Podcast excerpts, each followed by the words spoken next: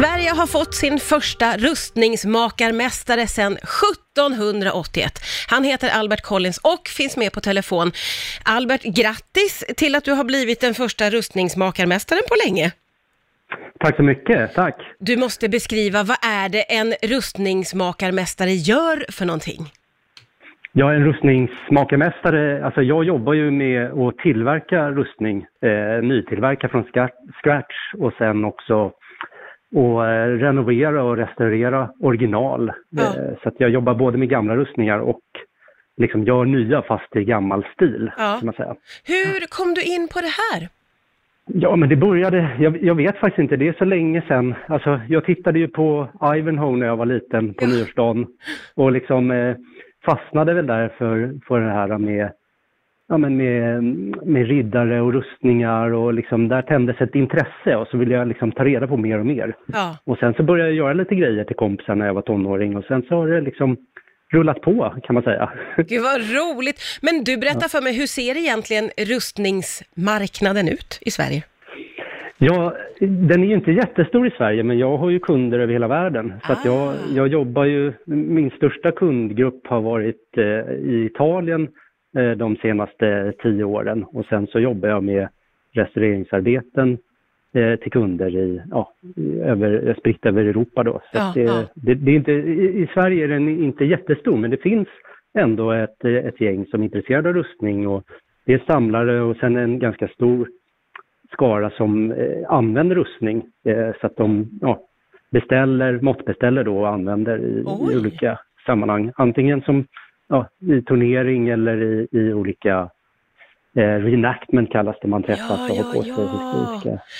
Får jag fråga, vad väger en sån rustning som man har på sig när man gör sånt? Alltså det är ju väldigt olika Alltså? beroende på vilken tidsperiod och hur mycket plåt det är. Men Ja. jag har ju gjort ett mästarprov och den väger 34 kilo. Okej. Ja, Oj, men det är ju spritt på hela kroppen och eh, väldigt bra rörlighet i. Så det, eh, man tror att det är ganska tungt och klumpigt Ja. men man kan, man kan utföra det, det som man bör kunna utföra i en rustning, liksom, även fast det är rätt mycket vikt. Liksom. Ja. Och, och du har ju fått ett mästarbrev av Sveriges hantverksråd. Vad innebär det? Ja, men nu, jag gjorde ju det här mästarprovsprojektet och det, det, då har jag gjort ett mästarprov, en hel rustning, 1560-tal. Ja. Eh, och sen i och med det så har jag också jobbat för att återinföra yrket som officiellt yrke som man kan få gesäll och mästarbrev i. Mm. Och när det finns ett officiellt eh, status i yrket då kan man lättare anordna utbildningsplatser eller gå som lärling eller sådär. Så Ja. eh, och sen att jag har fått mästarbrev det är väl egentligen kanske ett bevis på att jag har koll på hur man gör rustning. Ja, ja. tänker, ja. Det är jätte, jättehäftigt. Vad jag förstår så har du tagit en lärling.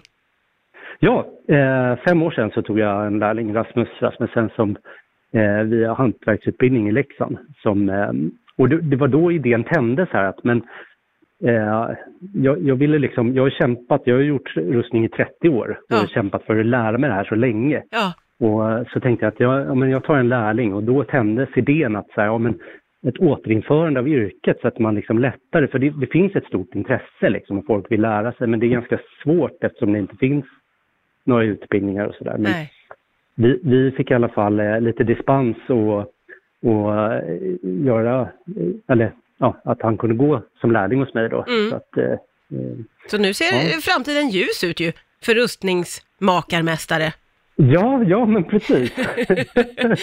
Ja, det Det, det kanske inte kommer bli så jättemånga mästare framöver, men, det, men ändå, det, kommer vara enklare nu i alla fall. Ja, ja. Underbart, jätteroligt att få höra om det här eh, och stort grattis eh, och Ja, eh, jag ser fram emot att- följa utvecklingen av detta nya yrke Ja, som alltså och kommer gå gärna och tillbaka. kolla på Livrustkammaren sen när de öppnar igen, för där finns det utställt, eh, själva mästarprovet. Ja men på- gud vad roligt, ja det måste jag kolla upp. Vad kul det var att få prata med dig Albert Collins, tusen tack för att du var med här på Rix FM idag. Mm. Tack så mycket, ha det fint.